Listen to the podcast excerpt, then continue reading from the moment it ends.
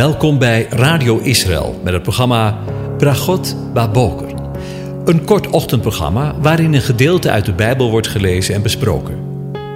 Met Bragot Baboker wensen onze luisteraars zegeningen in de ochtend. Presentator is Kees van de Vlist.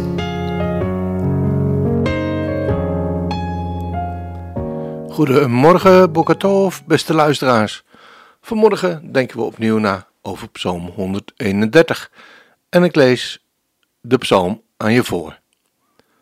Een pelgrimslied van David. Heere, mijn hart is niet hoogmoedig, mijn ogen zijn niet trots. Ook wandel ik niet in dingen die te groot en te wonderlijk voor mij zijn. Voorwaar, ik heb mijn ziel tot rust en tot stilte gebracht, als een kind dat de borst ontwend is bij zijn moeder. Mijn ziel is in mij als een kind dat de borst ontwend is. Israël, hoop op de Heere, van nu aan tot in eeuwigheid. Tot zover. In de voorgaande uitzendingen hebben we aan de hand van de woorden van David nagedacht over hoogmoed en trots. Dat is dus het eerste deel van deze psalm. Oefen nederigheid. Het volgende deel vertelt ons wat er gebeurt wanneer we nederigheid beoefenen. We leren daarmee tevredenheid. En wie wil dat, als puntje bij paaltje komt, nu eigenlijk niet? Tevredenheid. Tevreden met dat wat God ons in Zijn genade aan ons schenkt in ons leven. Tevredenheid geeft ons rust in het leven. Kijk naar vers 2. Maar ik heb mijn ziel tot rust gebracht en tot stilte gebracht, als een gespeend kind bij zijn moeder. Als een gespeend kind is mijn ziel in mij. Wat is het woord van God toch een geweldig boek. Ook in de beelden die de Heere God daarin telkens weer gebruikt om ons zijn bedoelingen met uw en mijn leven kenbaar te maken. Zo ook nu weer. Want kennen we een beter beeld dan een kind dat net aan de moederborst heeft gelegen en tevreden weer tot rust komt en zo vaak dan weer in slaap valt? Een beter beeld van tevredenheid ken ik werkelijk niet. Wat een rust en vrede gaat er van zo'n babytje uit. Helemaal voldaan, rustig en tevreden. Over die tevredenheid spreekt het woord van God. Er blijken drie aspecten in vers 2 aanwezig die ons iets willen leren over tevredenheid.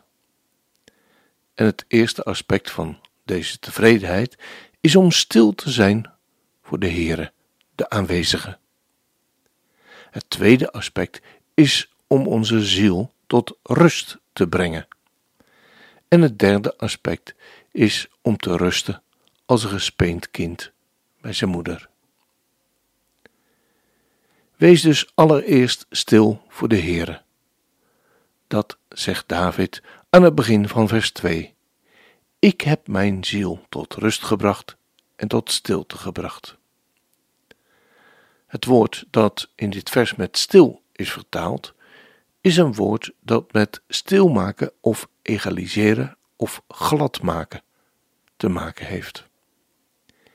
Hier verwijst het naar het ophouden van beweging. Dat is wat dit woord betekent. En hier spreekt David over het kalmeren van zijn eigen ziel. David zegt dat hij de dingen in zijn leven zijn geëlimineerd die zijn ziel in beroering brengen. Juist die dingen waar we zojuist in vers 1 bij hebben naar gekeken. Trots op zichzelf, trots op anderen, door onszelf te vergelijken met anderen, en trots op God, door te proberen ons eigen leven te leiden. Wat brengen trots en hoogmoed toch een onrust in ons leven? Altijd maar meer, altijd maar beter en altijd maar onszelf en onze positie vergelijken met die van de ander die het beter getroffen lijkt te hebben dan wij. Lijkt te hebben, want weten we altijd wel wat er achter de voordeur plaatsvindt? En hier spreekt David over het kalmeren van zijn eigen ziel.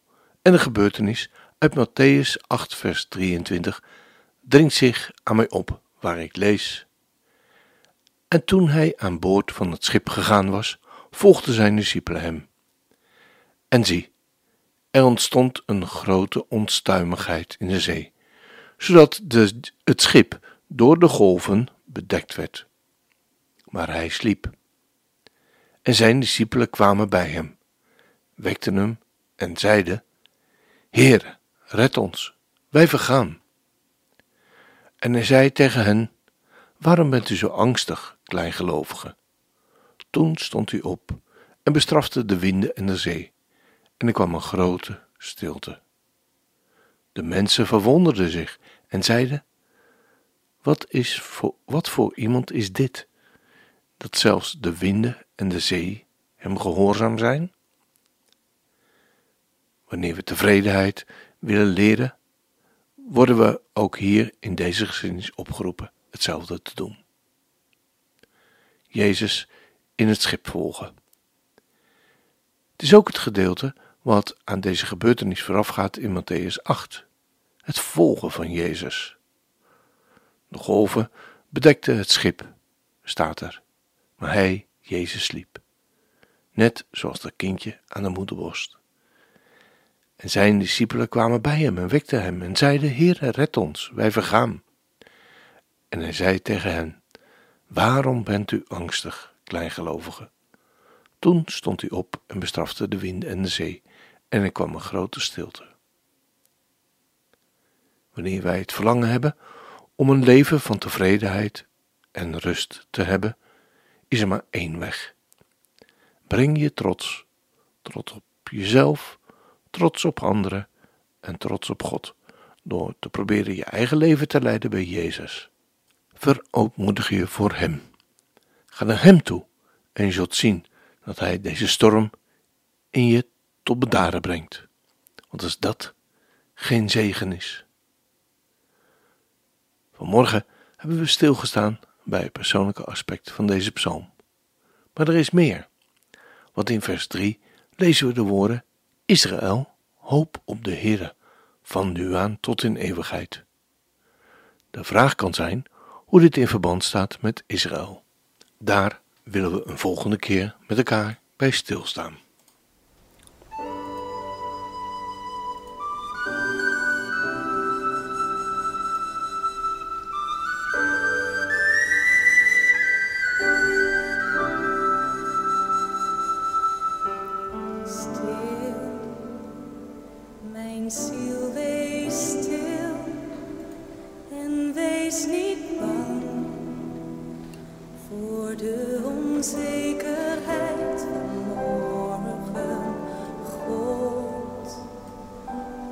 geeft je steeds.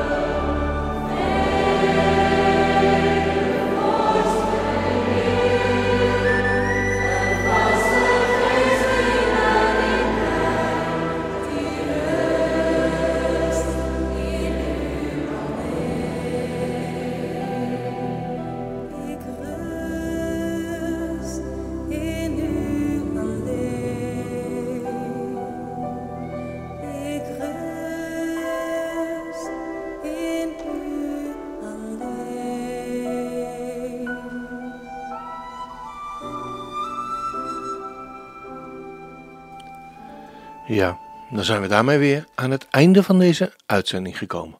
En wens ik u ook vandaag weer God onmisbare zegen. De Heer zegent en hij behoedt u. De Heer doet zijn aangezicht over u lichten en zij u genadig. De Heer verheft zijn aangezicht over je en geeft je zijn vrede, zijn shalom. Amen.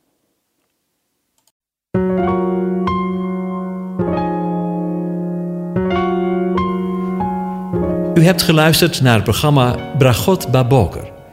Een kort ochtendprogramma waarin een gedeelte uit de Bijbel wordt gelezen en besproken. Wilt u het programma nog eens naluisteren, dan kan dat. Ga naar radioisrael.nl en klik onder het kopje radio op Uitzending gemist.